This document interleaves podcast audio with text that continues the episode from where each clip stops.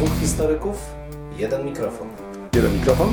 Dwóch historyków? No nie, ale to znowuż mi wszedłeś w paradę. No tak zazwyczaj się dzieje. Profesor Krzysztof Równiewicz. Profesor Przemysław Wiszewski.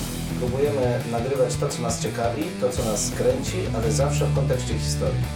No niestety, takie już mamy, że tylko o historii, chociaż czy zawsze na poważnie? No nie zawsze, a przede wszystkim historia to cały świat. To nie tylko to, co minęło, ale też to, co jest teraz. Chcemy pokazać, że w historii można poznawać się w różny sposób. Zdecydowanie w różny sposób i nawet można się nią bawić. Państwo wszyscy widzą, że się uśmiechamy, więc my się też bawimy nieźle. Bardzo dobrze. Dwóch Liczymy historyków, jeden mikrofon. Jeden mikrofon? Dwóch historyków. Ale tu się nie chce jeszcze włączyć. Poczekaj, no coś się nie chce włączyć. O, teraz. Niedługo tłusty czwartek. Widzę, że tutaj kolega w, przygotowuje się już tak. e, Oczywiście kondycyjnie się przygotowuję, bo to jednak trzeba być tłustym w tłusty czwartek. Specjalnie w tym celu przygotowuję wypieki, tu razem z żoną testujemy przepisy różne. No, no trzeba być gotowym. Jak domyślam się, kolejka już się ustawia długa. Właściwie kolejka się nie ustawia, bo to, co się uda upiec, to za chwilę się rozchodzi i już jest pusty talerz, więc kolejki nie ma, wypieków też już nie ma. Tak, proszę Państwa, nagrywamy e, po raz kolejny w niedzielę wieczorem. Nie zacząłem bez powodu od tych e, smakołyków, bo tak, na zewnątrz, za oknem pogoda nieszczególna. Za chwilę zacznie wiać wiatr. Jest zimno. Słyszałem, że spadł też śnieg, więc to jak najbardziej tak pasuje do kolegi, żeby właśnie w ten sposób się przygotować, zebrać zapasy i tak dalej. Tak, Dlaczego ja nie wpadłem na taki pomysł? bo- No, to, bo Ach. zwróćcie Państwo uwagę, że kolega już nas tutaj poustawiał tak antytetycznie, jak zawsze, czyli ja jestem tą wielką wiewiórką z zębami z przodu, która zgarnia orzechy i szykuje się na zimę, a on jest tym wysportowanym, który biega codziennie i, i pokazuje, czym jest kondycja fizyczna i zdrowe ciało i zdrowy duch. Dobrze, ja mam tłuste ciało, tłusty duch, ale dobrze się z tym czuję. Nikt mi tego nie odbierze i dwa zęby wystawiam. Mm. Dobrze, to myślę, że w, w, możemy postawić w tym momencie małą kropkę i przejść do następnej części kropę. naszych rozważań. Kolega już schował te zęby, tak więc y, przechodzimy do następnej części. Nowinki, starowinki, kolego. Ja zaczynam, tak? Dobrze. Tak, zacznij ty, bo w, myślę, że w, zrobisz takie ładne wprowadzenie, a znając ciebie i twoje historie dotychczasowe, to tak i tak mnie skasujesz za chwilę, także... Nie, ja, ja nikogo nie kasuję. A. Ale dzisiaj trochę jest o kasowaniu, proszę Państwa. Mianowicie wybory papieskie. Proszę Państwa, jedne z tych, które skończyły się potem schizmą. Mamy 1159 rok. Relacja jest nieco stronnicza, bo pochodzi od jednego z kandydatów, Aleksandra III, który w trakcie wyborów e, konkurował z przyszłym Wiktorem IV. No i Wybory się odbyły, ale nie do końca e, mogli się zgromadzeni zgodzić, kto ma zostać biskupem, e, biskupem Rzymu. Kluczowym elementem jest oczywiście przywdzianie odpowiedniego stroju, bo przejęcie insygniów równa się objęciu władzy. To troszkę inaczej niż obecnie. My mamy jednak e, wybory, to wybory jak nadają władzę, cała reszta jest rodzajem ceremonii, natomiast w średniowieczu rzeczywiście dopiero przyjęcie odpowiednich e, insygniów stwarzało człowieka, stwarzało go jako odpowiedniego mm, władcę, czy w tym przypadku dostojnika biskupa Rzymu. No i Aleksander III e, wdaje się w bójkę z Wiktorem IV, przyszłym Wiktorem IV.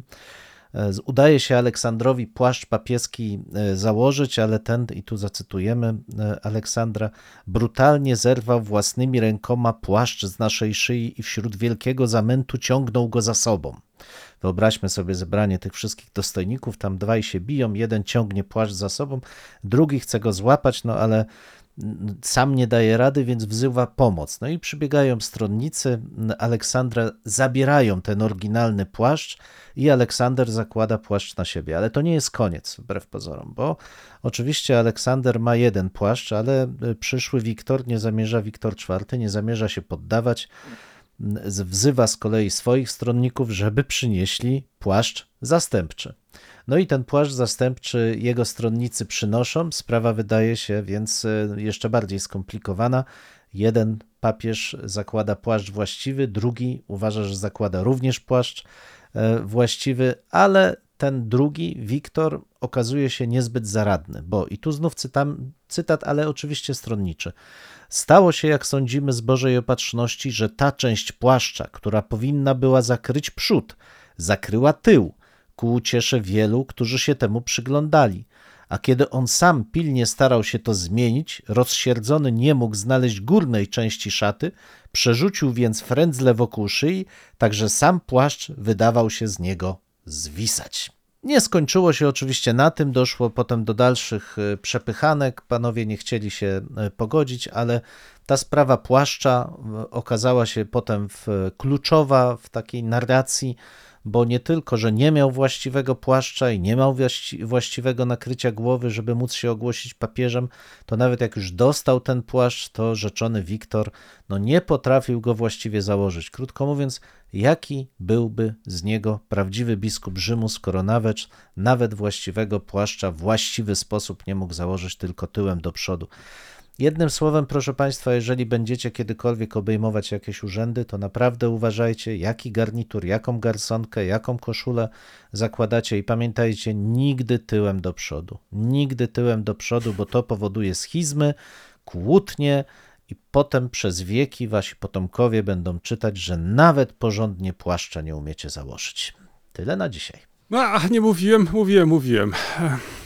Czy zastanawiałeś się kiedykolwiek, co albo kto był pierwowzorem e, królewny Śnieżki Walta Disneya? Przypominasz sobie, O. to jest taka zła królowa, em, mm, taka przepiękna kobieta, ale zła. Hmm. Zastanawiałeś się nad tym kiedykolwiek? Znaczy, y, wiesz co, bardziej z, z Hansem mi się to kojarzy, czy z Grimami, ale okej, nie, nie, nie zastanawiałem się. O widzisz, i tutaj y, zaskoczę cię, mam nadzieję, że też i y, państwo. Odpowiedź dała mi e, lektura artykułu mm, Marty Panas-Gaworskiej pod tytułem Zła Królowa, Piękna Niemka. Z pewnością już e, nazwisko Uty von Ballenstedt coś ci będzie mówić. Oczywiście, ale chętnie posłucham, co masz ty o niej do powiedzenia. Bardzo cię proszę. Otóż e, ta wspomniana przeze mnie e, kobieta e, urodziła się około tysięcznego roku. Stąd e, też to moje pytanie w, do kolegi średniowiecznika. Czy może ją po prostu zna? No była córką jednego z e, mm, uczestników bitwy pod Cydnią, Chodona I. Wyszła natomiast e, za mąż e, za Ekharda Miśnieńskiego II. Była o niego młodsza o 15 lat. Tak więc e, to pewnie nie jakaś wielka miłość kryła się za tym małżeństwem, tylko jak zwykle polityka. Później, jak się okazuje, niewiele chyba mm, możemy się dowiedzieć o tej naszej głównej bohaterce. Tylko tyle, że e, nie mogli mieć e, dzieci. Później tam jest ta cała sprawa, ale to ty jesteś tu specjalistą. Czy na przykład e, taki mąż mógł opuścić e, żonę, czy też e, nie, czy musiał mieć pozwolenie kościoła, czy też nie musiał. Ja się na tym nie znam, więc nie chcę wchodzić tutaj w twoje buty. Niezależnie od tego okazało się, że mąż jednak nie opuścił swojej żony i później jest jakaś taka długa, długa luka w ich biografii, a ponownie pojawiają się na kartach historii, jak twierdzi autorka, pod koniec życia umierają. Ale tak naprawdę właściwa sława przychodzi dopiero 200 lat później. Nie dlatego, że zostali w jakiś sposób zapomnieni i tak dalej, i tak dalej, tylko y, w katedrze w Naumburgu wystawiono im pomniki, tak więc stoją obok siebie. I muszę ci powiedzieć, że ja dotąd katedrę w Naumburgu kojarzyłem z innymi postaciami, z innymi figurami, między innymi śmiejącej się, tak jest, śmiejącej się Polki, ale tak się złożyło, że dotąd, mimo że wielokrotnie byłem w końcu w Saksonii, jakoś do Nauburga nie dotarłem, więc mam jeszcze kolejny powód, żeby w końcu tam pojechać. Więc obok tego, że mamy tam ten wątek polski, o którym być może za chwilę, to mamy oczywiście jeszcze wspomnianą przeze mnie Ute von Ballenstedt. I teraz e, przenosimy się do wieku już XX. Otóż e, w latach dwudziestych jeden z fotografów niemieckich, e, Walter Hege, postanowił wykonać e, zdjęcia wszystkim figurom w katedrze i zrobił to w taki sposób, w tak przekonujący sposób, e, że ludzie zaczęli się zakochiwać e, w tejże właśnie Ucie von Barenstedt. Jakbyś ją zobaczył, zwłaszcza zdjęcie wykonane przez wspomnianego przeze mnie niemieckiego fotografa Hegego, to udało mu się uchwycić coś, co nie jest łatwo. To znaczy, e, bo przecież e, nie mamy tutaj do czynienia e, z jakąś kolejną Wenus Milo. Jest to w końcu przecież kobieta w, w szatach, ale ma taki wyraz twarzy i taki charakterystyczny, i fotografowi udało się znaleźć taki sposób na mm, zrobienie zdjęcia portretowego naszej bohaterce, że wręcz okrzyknięto ją Miss Germany, to znaczy, że Miss Niemiec. I faktycznie mm, później wielokrotnie reprodukowano to zdjęcie, wykorzystywano w okresie nazistowskim. I to, dlaczego e, Walt Disney się zainteresował e, tą e, postacią, raz, że mu podsunięto tą postać, a dwa, że szukał mm, jakiegoś takiego uosabienia zła. I w tym okresie, w okresie nazistowskim, tym uosobieniem zła, no właśnie, mogła być na przykład ta kobieta, która tak naprawdę jest Bogu ducha winna, podejrzewam, ale ponieważ ona wielokrotnie była e, obecna w mediach, jako też mm, pewne takie, można powiedzieć, przeciwstawienie się tej mm, sztuce zakazanej, e, którą wtedy usuwano z muzeów e, i tak dalej, i tak dalej. W to miejsce stawiano tą właściwą sztukę, czyli właśnie okres e, gotyku i tak dalej, i tak dalej. W związku z tym Walt Disney, przynajmniej tak niektórzy twierdzą, wziął sobie właśnie tą postać za tą główną bohaterkę. Mm, Co nie zmienia postaci rzeczy, że e, postać ta cieszy się do dzisiaj dużym e, w, w zainteresowaniem, ale także dużą popularnością. Między innymi nie kto e, inny jak Umberto Eco, zapytany, kto dla niego jest bohaterem, no to właśnie wymienił Ute von Ballenstedt jako tylko przykład. Dlaczego zwróciłem uwagę na tą postać i na tą historię uwagę?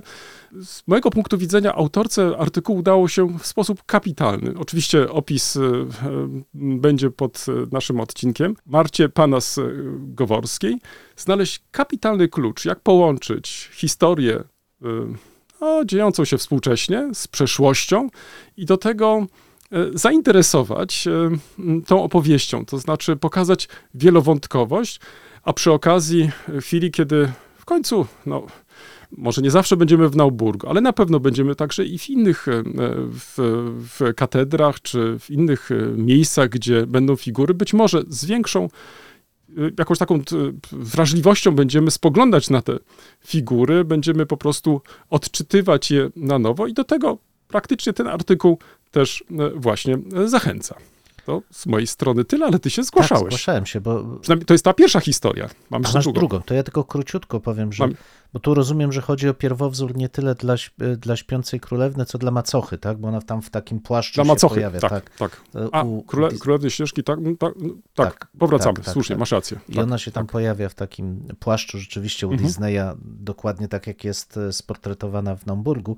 Ale ja chciałem tylko dodać, że właśnie w tym okresie nazistowskim te, te dwie figury, i Polki, Chrobrówny i, w, i Łuty były wykorzystywane do takiego przeciwstawienia charakterów narodowych.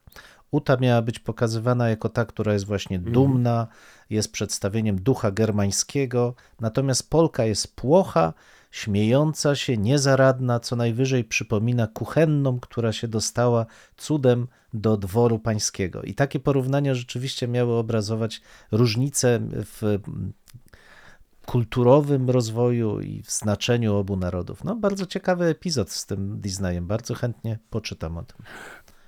Ale jeszcze zwróć uwagę na twarz e, obu bohaterek. E, W przypadku niemieckim mamy taką bardzo Mhm. Tak. klasyczną, pociągłą.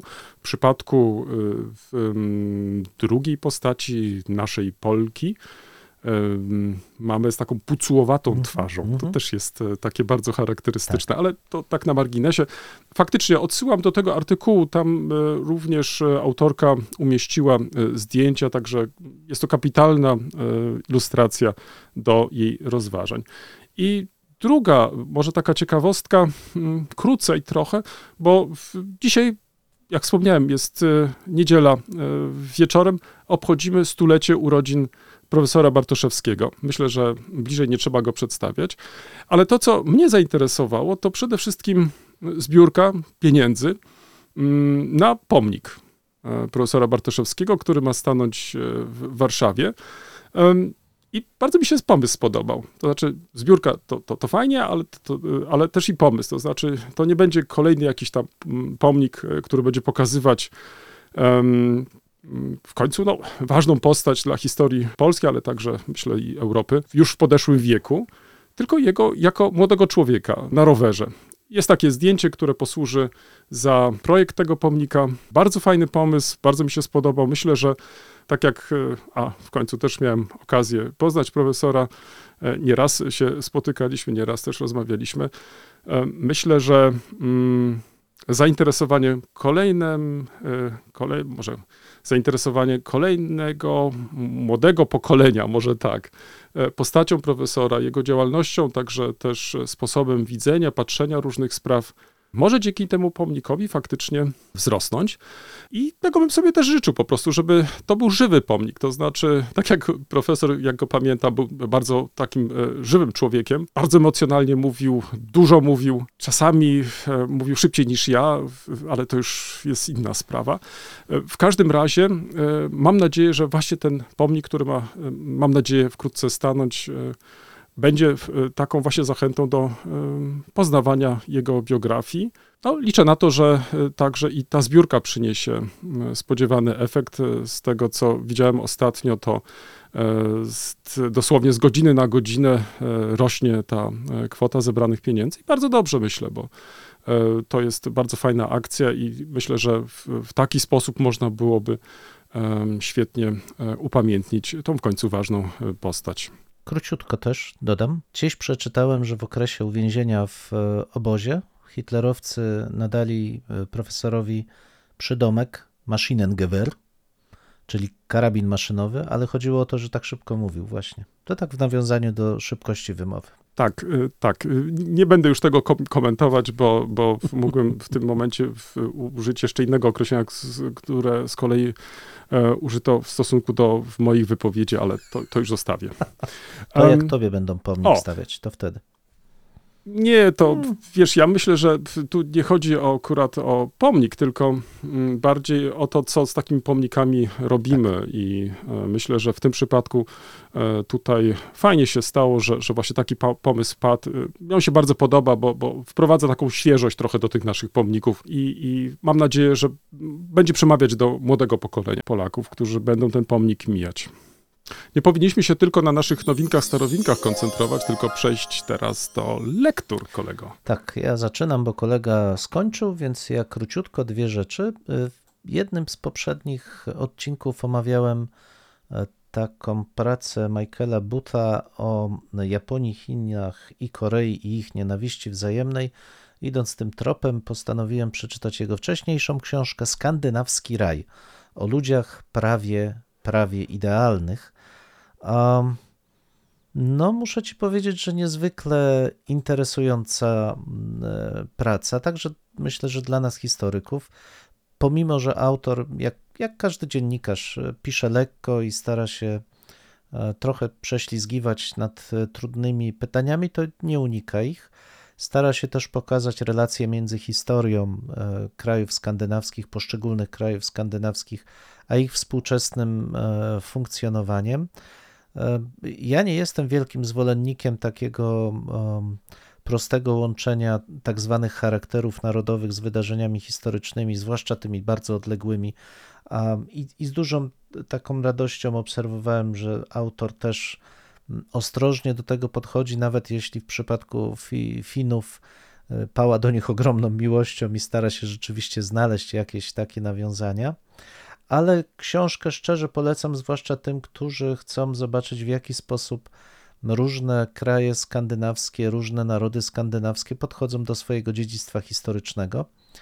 E, I jest to bardzo ciekawe, bo e, taka pierwsza konstatacja e, dość zadziwiająca jest taka, że dla mnie, że Szwedzi w zasadzie wypierają przeszłość. Znaczy nie, niewiele, mm, nie, bardzo nisko wartościują refleksję nad przeszłością, raczej koncentrują się na tym, co jest mm, postępowe, pozytywne, co, co jest mm, nowe, nowoczesne. To, to są te rzeczy, które mają największe znaczenie dla funkcjonowania społeczeństwa.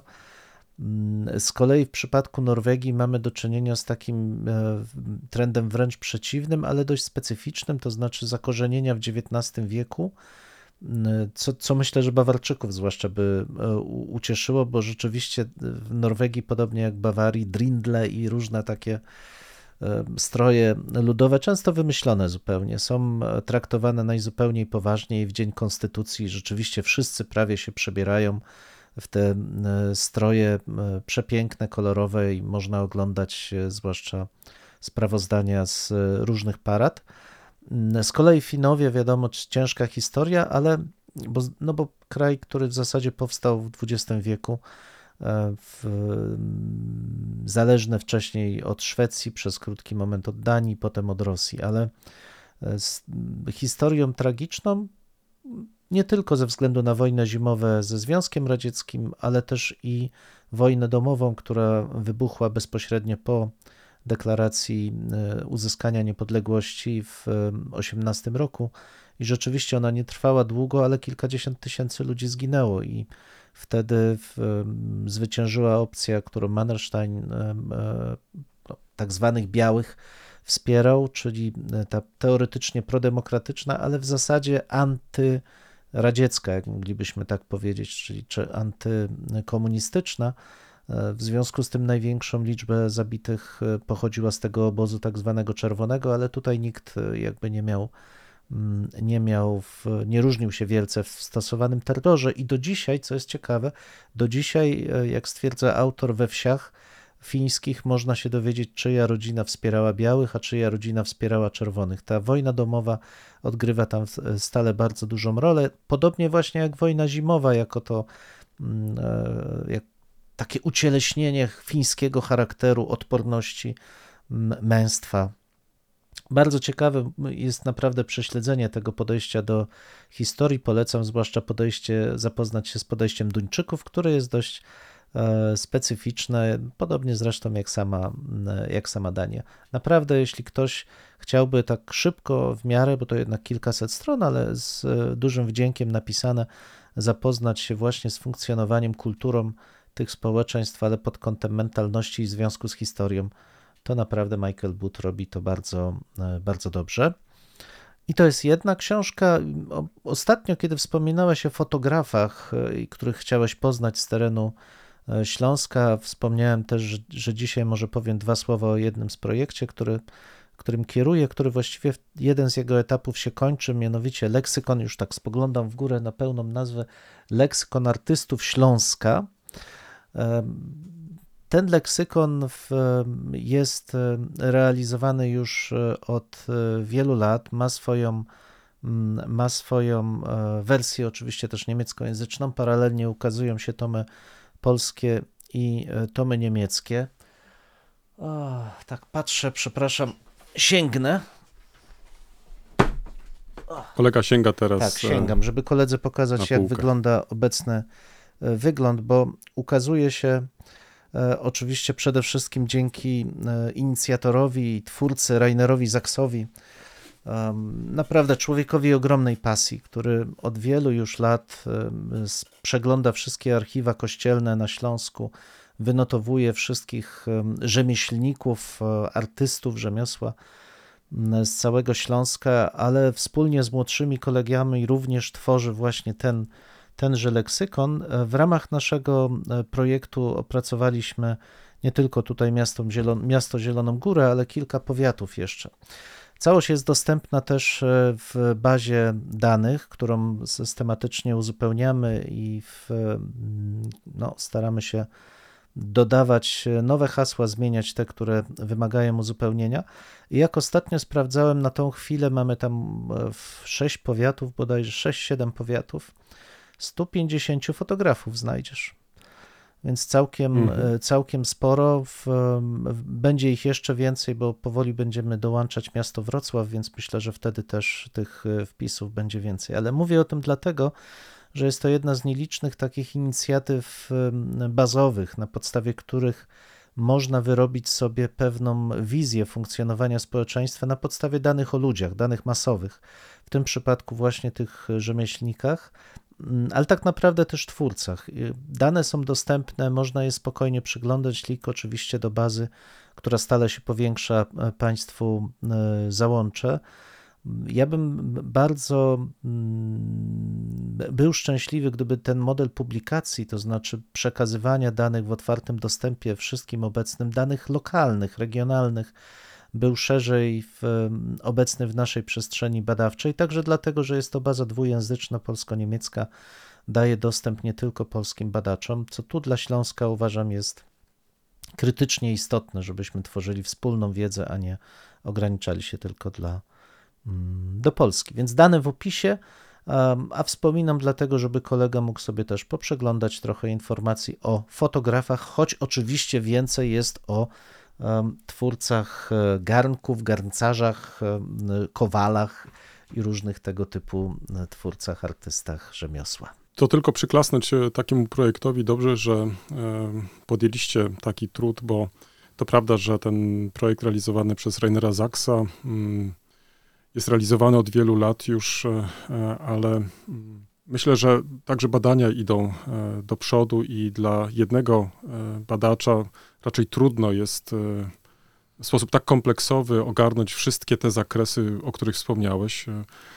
Dlatego też stworzenie zespołu badawczego z pewnością pozwoli na kontynuowanie tego w końcu wielkiego dzieła. Poza tym, to co wydaje mi się jest rzeczą kluczową, i to oczywiście z jednej strony to dobrze, że mm, dbacie też o to, żeby materiały te ukazywały się w sposób tradycyjny, e, papierowy, ale kto wie, czy nawet nieważniejsze jest, żeby e, materiały te były też dostępne w wersji elektronicznej. Zaletą przede wszystkim tego jest to, że można stale uzupełniać, stale e, wprowadzać dodatkowe jeszcze elementy, które z kolei w papierowej wersji nie są możliwe, jak na przykład e, hiperlinki i tak dalej. Poza tym nie wiem, jak jest na przykład, jeśli chodzi o licencje do takich czy innych ilustracji. W przypadku fotografów to odgrywa znaczące, znaczącą rolę. Także w- zamieszczenie takiego odsyłacza w postaci hiperlinku do archiwum, gdzie na przykład takie materiały możemy znaleźć, jest tutaj też bardzo cenne. Więc tylko trzymać kciuki, żeby ten projekt był dalej realizowany, no i czekamy na kolejne tomy. No ja przede wszystkim oczywiście do Wrocławia, bo, bo to szczególnie mnie interesuje, tym bardziej, że zacząłem się coraz bardziej interesować e, okresem II wojny światowej we Wrocławiu i tym, w jaki sposób e, można było fotografować, jakie istniały zakłady fotograficzne.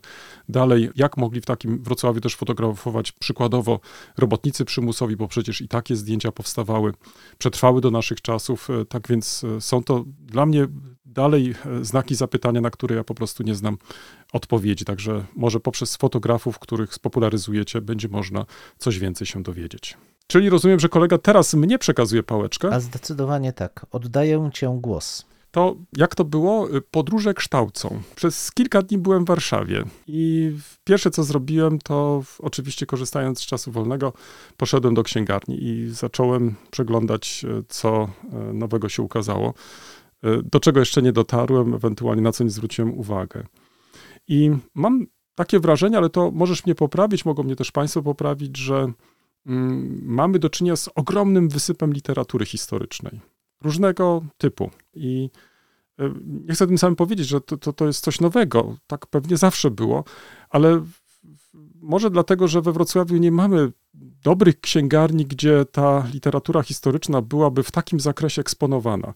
Po prostu e, no, byłem pod wrażeniem. E, Wstrzymywałem się tylko, żeby nie kupować takiej czy innej książki, bo wyszedłbym faktycznie z, mm, z siatkami napakowanymi tylko książkami.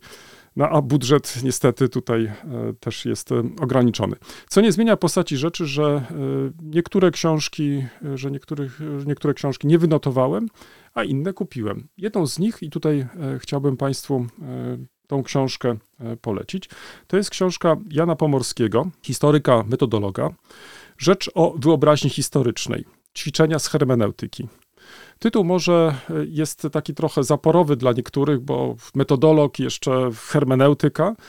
Natomiast kiedy się sięgnie do tego tomu, składał się z kilku studiów. Mm, Studia te autor poświęcił znanym i cenionym osobom i starał się za każdym razem pokazać ich sposób patrzenia na historię. I tutaj zaczyna od Haydena White'a, dalej Jerzego Topolskiego, następnie mm, na warsztat wziął e, Pawła Jesienicę, poświęcił osobny tekst Oldze Tokarczuk, i to, co mnie szczególnie zainteresowało, to piąte studium, jak badać wideoteksty kultury. I tutaj jest podtytuł w poszukiwaniu hermeneutyki humanistyki cyfrowej. Muszę chyba jedno dać takie zdanie e, poprzedzające to, co za chwilę powiem. Mianowicie, mm, dotąd e, w przypadku e, metodologów historii mieliśmy do czynienia jednak z z dosyć trudną literaturą. Ona jest bardzo gęsta często, często naszpikowana różnego rodzaju cytatami, postaciami, odwołaniami. No, faktycznie trzeba świetnie się poruszać, e, żeby móc e,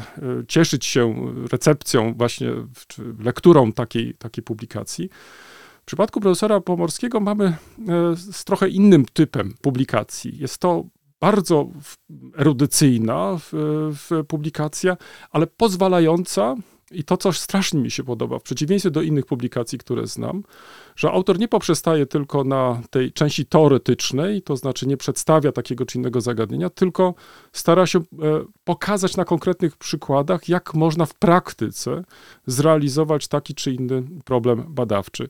Nie inaczej jest w przypadku tego artykułu, o którym przed chwilą wspomniałem, gdzie profesor Pomorski najpierw e, daje nam bardzo takie e, krótkie wprowadzenie do tego, jak rozwijała się humanistyka cyfrowa, z jakimi fazami rewolucji cyfrowej w historii mamy do czynienia. I to, na co zwraca uwagę e, na koniec, to na ten ostatni etap, w którym właśnie się teraz znajdujemy, czyli ten big data, czyli rola i znaczenie tej wielości informacji, które mamy do dyspozycji i to w jaki sposób historycy się e, obchodzą właśnie z tymi informacjami. Jako przykład wybrał krótki film, o którym wielokrotnie chyba mówiliśmy podczas naszych spotkań. Jest to film stworzony na zlecenie IPN-u Niezwyciężeni, kilkuminutowy i traktuje ten film jako tekst kultury.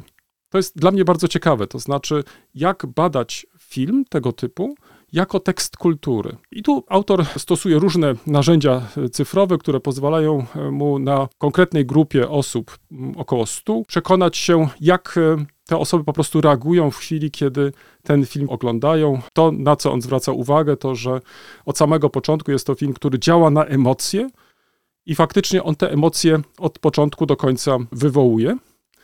No i e, te konstatacje profesora Pomorskiego są dla mnie bardzo zastanawiające, ale potwierdzają tylko moje obserwacje też. Chyba na ten temat e, nieraz rozmawialiśmy, że ta rewolucja cyfrowa, e, która jest faktem, która tu nie musimy kruszyć oktokopii, że tak naprawdę e, my nie jesteśmy jako historycy częścią tej rewolucji, to znaczy nie uczestniczymy w tym w sposób świadomy, czy też nieświadomy, to już obojętnie jak.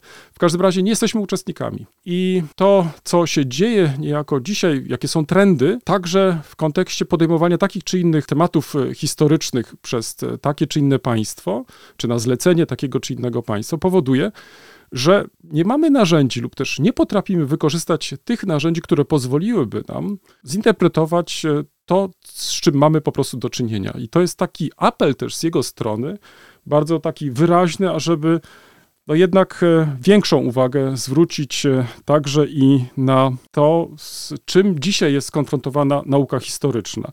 Ja pozwolę sobie na koniec e, przytoczyć te pytania, które profesor Pomorski przytacza zamykając swój bardzo ciekawy tekst. Mianowicie robi to w formie pytań. Czy można dziwić się więc, że czuję się jako historyk, historyk niepokój, to znaczy w kontekście tego, że znalazł potwierdzenie słów wcześniej cytowanych, właśnie analizując wspomniany przeze mnie materiał, film Niezwyciężeni. Co będzie, jeśli nie znajdziemy jakiegoś remedium na takie e-przekazy? Czy będzie wytłumaczeniem, że jako klasyczni humaniści nie potrafimy odnaleźć się w tym świecie post-gutenbergowskim? Ja myślę, że jest to e, ciekawy głos, ważny głos e, i nie zwalnia nas, e, historyków, żeby sięgać po tą literaturę, żeby o niej dyskutować. To, co mnie bardzo cieszy, profesor Pomorski zapowiada w, we wstępie do tej książki inną publikację, nad którą pracuje, być może ją skończył, być może za chwilę się ukaże. Mianowicie przygotowuje metodologię historii najnowszej, teorię i praktykę, teoria i praktyka badawcza.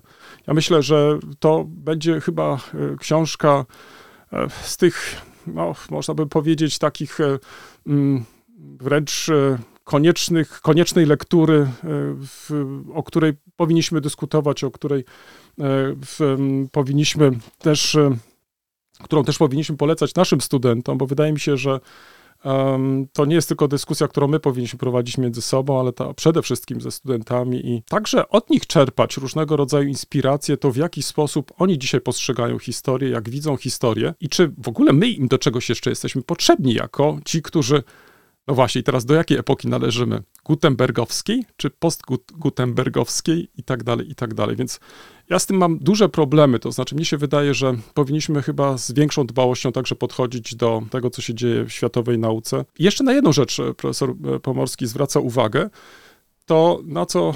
em, lub też to, co jest wręcz konieczne, to znaczy na interdyscyplinarność. To znaczy to, tak jak ty często w naszych rozmowach podkreślasz, że tak zwanej historii czystej po prostu nie ma, chociaż e, w, mm, tego pewnie oczekiwało lub też oczekuje od nas ministerstwo, że będziemy reprezentować tylko jedną dyscyplinę, przynajmniej dwie.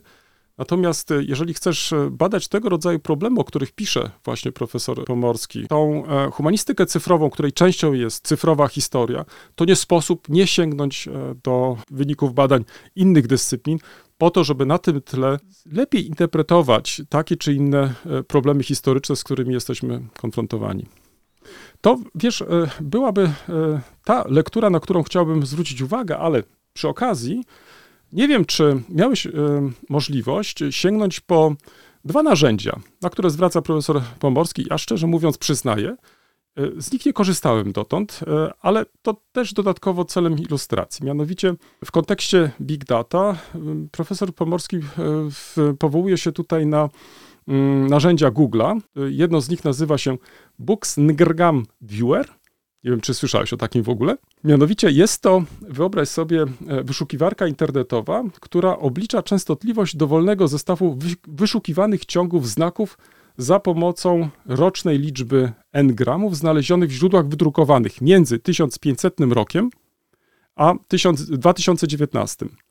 E, Co to oznacza? To oznacza, że z tej wielomilionowej liczby e, różnego rodzaju druków, które są już zeskanowane, które są dostępne w internecie, za pomocą tej wyszukiwarki możesz e, po wstukaniu na przykład e, takiej czy innej frazy, to może być nazwisko, to może być pojęcie, zobaczyć graficznie, jak to po prostu się rozwija na przestrzeni stuleci. Bardzo ciekawe. Wystarczy, o, tak Stukaj w- Wiszewski Ruchniewicz, tak na, na, na, z ciekawości. I zobaczysz, będziemy mieli różne takie ładne y, wykresiki. Bardzo mi się to spodobało. Nie korzystałem z tego, być może ktoś z Państwa już korzystał, a ci z Państwa, którzy nie korzystali, to zachęcam, żeby po to sięgnęli. I drugie narzędzie, także, gdzie mm, można w sposób e, e, też ciekawy wykorzystać e, big data, to są Google Trends. Ja nie wiem, czy z tego też e, korzystałeś. Mianowicie tam z kolei możesz e, otrzymać różnego rodzaju zestawienia do pewnych trendów, które się pojawiają, to znaczy jakaś częstotliwość, e, na przykład co do słów, pojęć, które były w różnych krajach, Polsce, innych wyszukiwane i pokazać to zjawisko w takim szerszym, na szerszym takim tle. To, to też jest bardzo e, ciekawe, bo to też pokazuje, mm, w jaki sposób funkcjonujemy, w jaki sposób, e, czy, czy jakich określeń używamy, które dominują, które nie dominują. Na tej podstawie też na przykład tworzone są, o czym nie wiedziałem, różnego rodzaju zestawienia, to znaczy, czy się dobrze czujesz, czy się źle czujesz i tak dalej, i tak dalej, właśnie poprzez wykorzystanie tej wielkiej ilości informacji, które dzisiaj mamy do dyspozycji. To może te dwa narzędzia dodatkowo? Bardzo proszę. Ja, ja tylko dodam, znaczy po, pomijając już, że ja mam bardzo skomplikowany stosunek do twórczości pana profesora Pomorskiego, więc tu nie będę się mm, udzielał, ale zwrócę tylko uwagę, że wszystkie te narzędzia mają bardzo istotne ograniczenia, bo e, to, to nie jest tak, że one obejmują całość informacji obecnych w internecie. One obejmują te, które obejmuje akurat e, Google swoją wyszukiwarką. Więc wyniki powinny być zawsze traktowane w sposób bardzo mm, ostrożny, bo to, to trochę jest tak, że my dajemy się ponieść tej fali entuzjazmu i jesteśmy ukierunkowywani przez ten wspaniały skądinąd twór, jakim jest koncern Google, do analizy danych, które koncern Google po prostu zindeksował i objął swoją wyszukiwarką. Ja korzystam też z wyszukiwarek takich już tekstowych, książek, z, mm, których Google nie obejmuje. Przydają się. Co do konkluzji, jestem absolutnie zgodny, że e, jeżeli chodzi o tą humanistykę cyfrową, historycy mają dużo do nadrobienia, zwłaszcza w Polsce, ale to też, e, nie, no nie oszukujmy się, zależy od tego, jaką działką historii się zajmujesz. Ci, którzy działają na pograniczu archeologii i historii, od dawna analizują, czy powinni analizować duże bazy danych. E, Podobnie ci, którzy zajmują się historią gospodarczą, migracją itd., itd. Natomiast e, trudno wymagać też od pewnych specyficznych działek historii, żeby tą humanistyką cyfrową tak mocno się zajmowały. Pytanie jest szersze, do czego historycy są potrzebni i czym we współczesnym społeczeństwie powinni się zajmować, ale to na zupełnie osobną dyskusję. Tutaj y, nie ma oczywiście między nami, y, w, w, nie różnimy się, jeżeli y, o to chodzi, ale mm, jednak mimo wszystko w, wydaje mi się, warto jedną rzecz podkreślić, że nawet jeżeli nie wykorzystujemy takich czy innych metod w naszej pracy, to powinniśmy mieć świadomość, że takie metody są. I w, w, w sytuacjach, y, y, jeśli to będzie konieczne, takie metody stosować. Na przykład, kiedy analizowałem ten ws- wspomniany przez e, profesora Pomorskiego e, krótki filmik IPN-owski, Niezwyciężeni, przyznaję, że nie wpadłbym na te metody, za pomocą których on jeszcze dodatkowo zinterpretował ten film. Traktując ten film jako, jako świadectwo kultury, wydaje mi się, że mm, można w związku z tym jeszcze zadawać kolejne pytania. To znaczy, można starać się e, tą interpretację jeszcze w jakiś sposób zróżnicować. I przede wszystkim o to chodzi. To znaczy, nie bardziej chodzi o to, że mm, całkowita zgoda. Nie do wszystkich tematów się z pewnością wykorzystanie takich narzędzi nadaje, ale świadomość, e, dalej e, też e, świadomość zróżnicowania tych, tych metod i kolejna rzecz, charakter interdyscyplinarny tego rodzaju badań, wydaje mi się, że jest tutaj po prostu kluczowa i myślę, że to powinno chyba jakoś tak mocno też wybrzmieć. No i druga publikacja, która jest związana z kolei, mm, i tutaj już krócej, związana z, ze zwiedzeniem jednego z najnowszych muzeów w Polsce. Mianowicie w drodze powrotnej zatrzymałem się w Sulejówku i zwiedziłem Muzeum Józefa Piłsudskiego. Od razu mówię, polecam to muzeum. Jest to bardzo ciekawe muzeum, chociaż należy traktować e, to muzeum e, jako pewien kompleks, to znaczy e, do tego nowoczesnego muzeum, który, budynku, który specjalnie, czy budynków, które specjalnie zbudowano, należy także i willa Józefa Piłsudskiego. I zwiedzając, trzeba zwiedzać oba te miejsca, bo oba się świetnie uzupełniają. O swoich wrażeniach e, napiszę osobno na blogu, ale tutaj chciałbym na jedną rzecz zwrócić uwagę. To znaczy, mm, to są moje pierwsze takie wrażenia, jeszcze może trochę na gorąco, że mm, nie miałem wrażenia, kiedy zwiedzałem tą wystawę, nowoczesną wystawę, w e, bardzo dużo miejsca. To, co jest też na przykład ciekawe, to trochę nawiązanie do e, naszego ostatniego odcinka i Twoich wrażeń z, ze zwiedzania wystawy Muzeum II Wojny Światowej, że w przypadku Sulejówka mamy do czynienia też e, z muzeum, które, e, którego wystawa znajduje się w podziemiach, to znaczy e, umieszczono ją w podziemiach na dwóch kondygnacjach i mm, dzięki temu uzyskano kilka rzeczy, to znaczy raz mamy sporo miejsca, dwa, że świetnie się ten budynek e, e, wkomponuje w otoczenie, to znaczy i willę, która przecież ma taką, a nie inną wysokość, ale także ten budynek jest e, umieszczony w zieleni, to znaczy faktycznie kapitalnie to współgra. Em, Elementem takim łączącym e, tą pierwszą i drugą kondygnację, to co mi się strasznie spodobało, bo e, generalnie wystawa składa się z sześciu części. E, Trzy na jedną kondygnację, e, trzy na drugą kondygnację. I na tej pierwszej kondygnacji poznajemy różne etapy życia e, naszego głównego bohatera, Józefa Piłsudskiego, do odzyskania przez Polskę niepodległości. I takim elementem łączącym obie te kondygnacje jest em, taka przestrzeń centralna. W środku musisz sobie to wyobrazić, jest taki ogromny kwadrat, ponad 400 metrów e, kwadratowych, jak sobie przypominam, wokół którego umieszczono wielkoformatowe ekrany.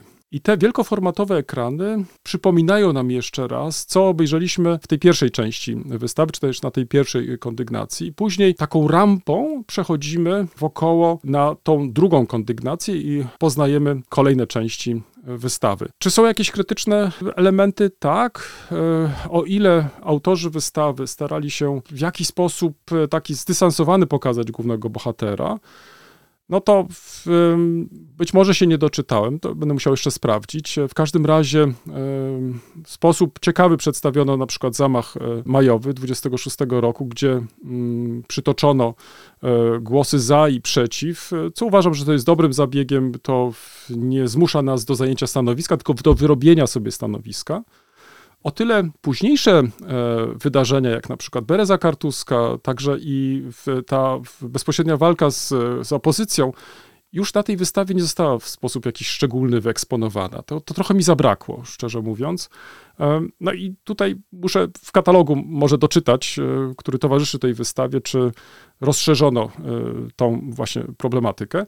No i chyba rzecz taka kluczowa dla mnie, dla każdej wystawy. Wyobraź sobie, ta wystawa nie ma zakończenia.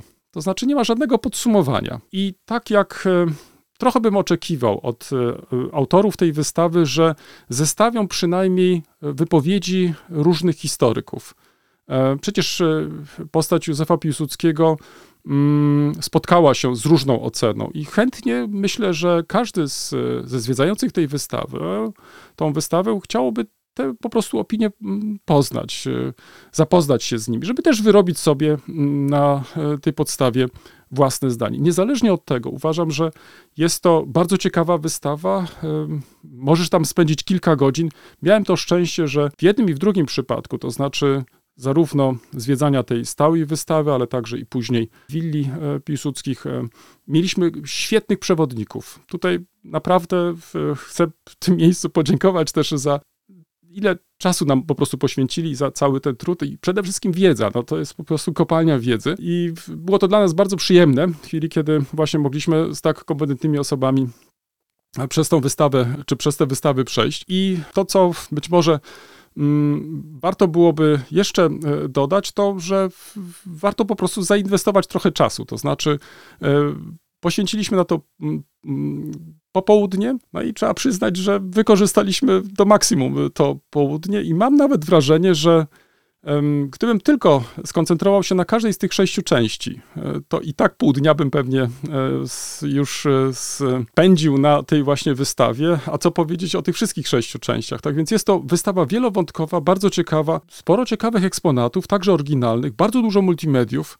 Także mm, myślę, że ta poprzeczka, jeżeli chodzi o poziom wystawiennictwa w Polsce, znowuż została podwyższona, podniesiona i, i w związku z tym, pewnie oglądając e, e, inne muzea, będziemy trochę też porównywać e, teraz muzeum w Sulejówku, bo faktycznie jest to bardzo dobry punkt odniesienia. To może z mojej strony tyle. Też zachęta, żeby jeśli się już jest w Warszawie, to w drodze przynajmniej powrotnej, jadąc e, w kierunku Wrocławia, warto mm, poświęcić trochę czasu i odwiedzić tą wystawę. W końcu niedaleko Warszawy, w Sulejówku. Teraz nasz temat. Ponieważ wspomniałem, że byłem w Warszawie, to nie ukrywam, że w, to, co mnie w Warszawie zawsze interesuje, to, to kiedy idzie się przez miasto, to staram się to miasto czytać albo odczytywać stale na nowo, bo, bo to jest też coś, co mnie zawsze interesuje w każdym mieście, już nie tylko w Warszawie, ale tak się złożyło, że właśnie będąc w Warszawie w, chodziłem ulicami i, i, i starałem się po prostu chłonąć to, co się e, pojawia, e, zwłaszcza w kontekście też e, spraw historycznych. I to, co mi się rzuciło w oczy. I pomyślałem sobie, że namówię cię do tego, żebyśmy trochę porozmawiali na ten temat. E, Co dla nas oznacza nadpisywanie historii? To znaczy, jest coś takiego, jak mamy historię i staramy się ją nie tyle pisać na nowo, co nadpisywać. I takim e, punktem wyjścia do tych moich e, rozważań było to, że mm, Państwu być może, Tobie też znana historia umieszczania na y, historycznych tablicach upamiętniających pomordowanych przez hitlerowców określeń niemiecki. Na historycznych, co, to, co, co chcę też po prostu podkreślić.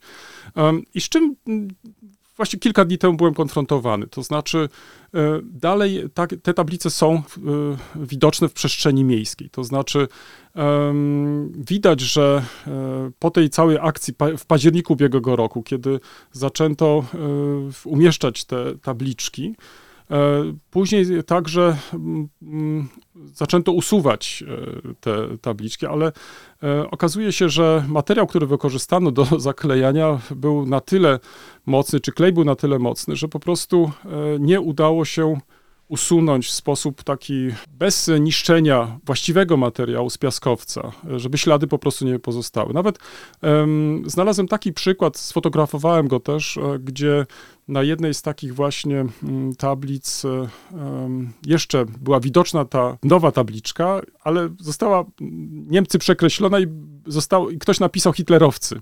To już w ogóle dla mnie jest jeszcze kolejna jakaś historia, to znaczy nie usunięto tabliczki, tylko skreślono Niemcy i hitlerowcy. Z tym związany jest jeszcze inny problem. To nie jest kwestia tylko nadpisywania, ale także używanych pojęć bo ta kwestia hitlerowcy, Niemcy, ona bardzo często się przewija e, w przestrzeni publicznej, w różnego rodzaju wypowiedziach. I teraz ja nie wiem, jak ty to widzisz, bo e, chętnie zaraz się wypowiem, skąd się wzięło na przykład na tych tablicach e, hitlerowcy, nie tak jak to e, chciał e, autor e, tej, całego, tej całej inicjatywy, tego happeningu, że e, zostaliśmy w jakiś sposób e, do tego zmuszeni, bo e, po utworzeniu Republi- m, Niemieckiej Republiki Demokratycznej e, mieliśmy do czynienia już z innymi Niemcami, trzeba było używać hitlerowcy i tak dalej, i tak dalej. No, przyznaję, że dla mnie jest to być może jedno z, jedna z interpretacji, ale wcale nie kluczowa interpretacja. Stąd też e, chętnie bym e, też e, usłyszał, czy ty spotkałeś się też z innymi przypadkami w przeszłości? Jak to jest z tym nadpisywaniem tej historii i czy to tak naprawdę służy jakiemuś wyjaśnieniu? Bo, bo, bo z tym nie ukrywam, mam, mam pewien problem. Wiesz, no, nadpisywanie historii to oczywiście bardzo ciekawa rzecz, bo w zasadzie chodząc po mieście mamy taki palimpsest przed sobą zawsze, nakładających się na siebie różnych warstw historycznych, architektonicznych, założeń.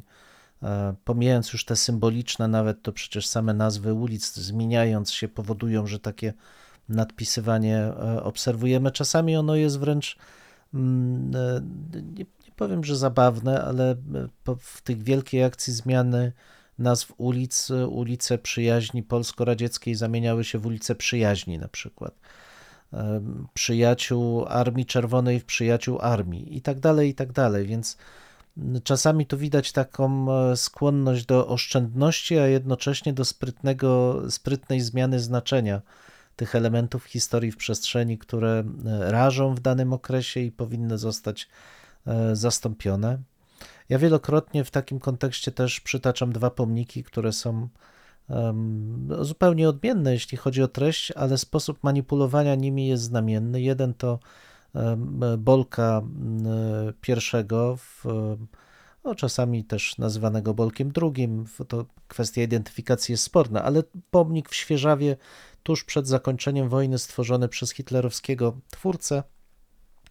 Potem miał być wykorzystany do sławienia obecności Piastów na Śląsku, ale w miejscowości Świeżawa nie znaleziono dla niego miejsca. W końcu lokalny y, w, no, obywatel, członek lokalnej elity gospodarczej wystawił jeszcze raz ten pomnik, dorobił brakujące części i pomnik do dzisiaj stoi na gruncie prywatnym zresztą.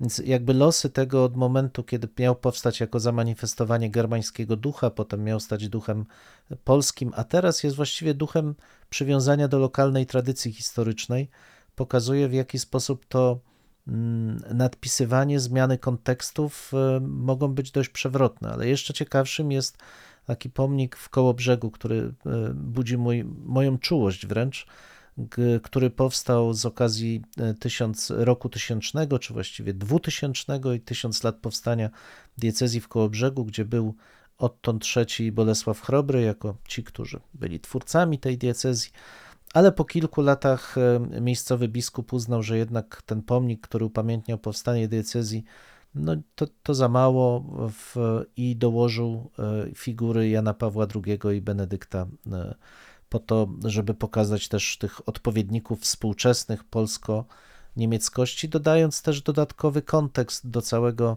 pomnika, który jednocześnie był pomnikiem pojednania polsko-niemieckiego. Tu ten akcent sakralny, bardzo mocny, zresztą w całym pomniku został jeszcze bardziej podkreślony i trochę jakby wyostrzony. Natomiast zastanawiam się, wiesz, bo to w, wszystkie te działania zawsze mają taki kontekst czasowy, bardzo mocny. E, po pewnym czasie one stają się kompletnie nieczytelne. To znaczy, jeśli, jeśli ktoś sądzi, że poprzez właśnie takie manipulacje rzeczywiście dokona zmiany tożsamości ludzi, którzy biorą udział w tym procesie, to się głęboko myli. To jest dużo bardziej skomplikowany e, proces i jeżeli on wypływa jakby oddolnie, to ma zupełnie inne znaczenie niż jeśli jest właśnie tak narzucany, e, narzucany z góry. Ja przyznaję, że z niepokojem obserwowałem te wydarzenia, no bo akurat w tym przypadku mamy do czynienia z dużo szerszym trendem, to znaczy z taką próbą powrotu do bardzo konfrontacyjnej wizji historii, ale wizji też współczesności, e, gdzie, gdzie ten Polak nigdy nie będzie Niemcowi bratem i chcemy czy nie, musimy być wciągnięci w tą wyimaginowaną, odwieczną konfrontację dwóch, e, dwóch narodów. Pomijam już kompletny brak szacunku dla, dla tych, których te tablice upamiętniają, E, fakt, że one są sprzeczne też z, no, z prawdą historyczną, bo nie tylko Niemcy brali udział w tych, mm, w tych mordach i w tłumieniu powstania e, warszawskiego, to ten kontekst współczesny w tym nadpisywaniu, który zawsze jest żywy, tutaj w tym przypadku budzi mój, no, mój, moją bardzo dużą mm, ostrożność co do oceny w takich działań. Przy czym nie bez powodu zwróciłem uwagę tutaj na mm, to, jakie pojęcia używamy. Dlaczego na przykład w roku 48, 49, mm, ale także i w późniejszych latach używano zamiast Niemcy hitlerowcy. E, nie czyniono tego przez przypadek, to znaczy jeszcze podczas II wojny światowej mówiono o hitlerowcach, to znaczy zdawając sobie z tego sprawę, że trzeba odróżniać Niemców od hitlerowców. To znaczy, że nie wszyscy są odpowiedzialni za to, co się dzieje. I po II wojnie światowej faktycznie tak też się przyjęło. I to rozróżnienie na Niemcy hitlerowcy było bardzo świadome. To znaczy, e, hitlerowców e, określano tymi, którzy byli sprawcami, to znaczy, którzy byli odpowiedzialni. To, że nie różnicowano wtedy pod względem narodowościowym, to o czym ty przed chwilą wspomniałeś, to znaleziono rozwiązanie. To znaczy, każda z tych tablic, tak jak zwróciłem uwagę, posiada jeszcze jedną dodatkową tabliczkę, która jest umieszczona poniżej tej historycznej tabliczki i która wyjaśnia jeszcze e, cały kontekst e, tych wydarzeń, o których jest mowa na tej właśnie tablicy. Wydawało mi się, że to w zupełności wystarczy, że e, jest to informacja, która mm, będzie właściwym uzupełnieniem i praktycznie nie ma o co kruszyć kopii. Natomiast umieszczanie jeszcze dodatkowych określeń, to one, ja je od, w, w, w, czytam jako działanie wbrew historii, to znaczy e, z jakichś powodów uznano wtedy, że nie będzie się używać tego określenia Niemcy, tylko hitlerowcy. I nad tym bym się zastanowił, dlaczego tak było. Zwróć uwagę, bo często się pojawia także i to określenie naziści. Dlaczego my używamy dzisiaj naziści, a nie Niemcy? No właśnie też z tego powodu, ponieważ w Niemczech przewaliła się, myślę to o Republice Federalnej Niemiec, cała debata, cała dyskusja, że skoncentrowanie tylko na osobie Hitlera w wszystkich zbrodni, jakie dokonano w, w III Rzeszy, to też jest zbyt duże ograniczenie.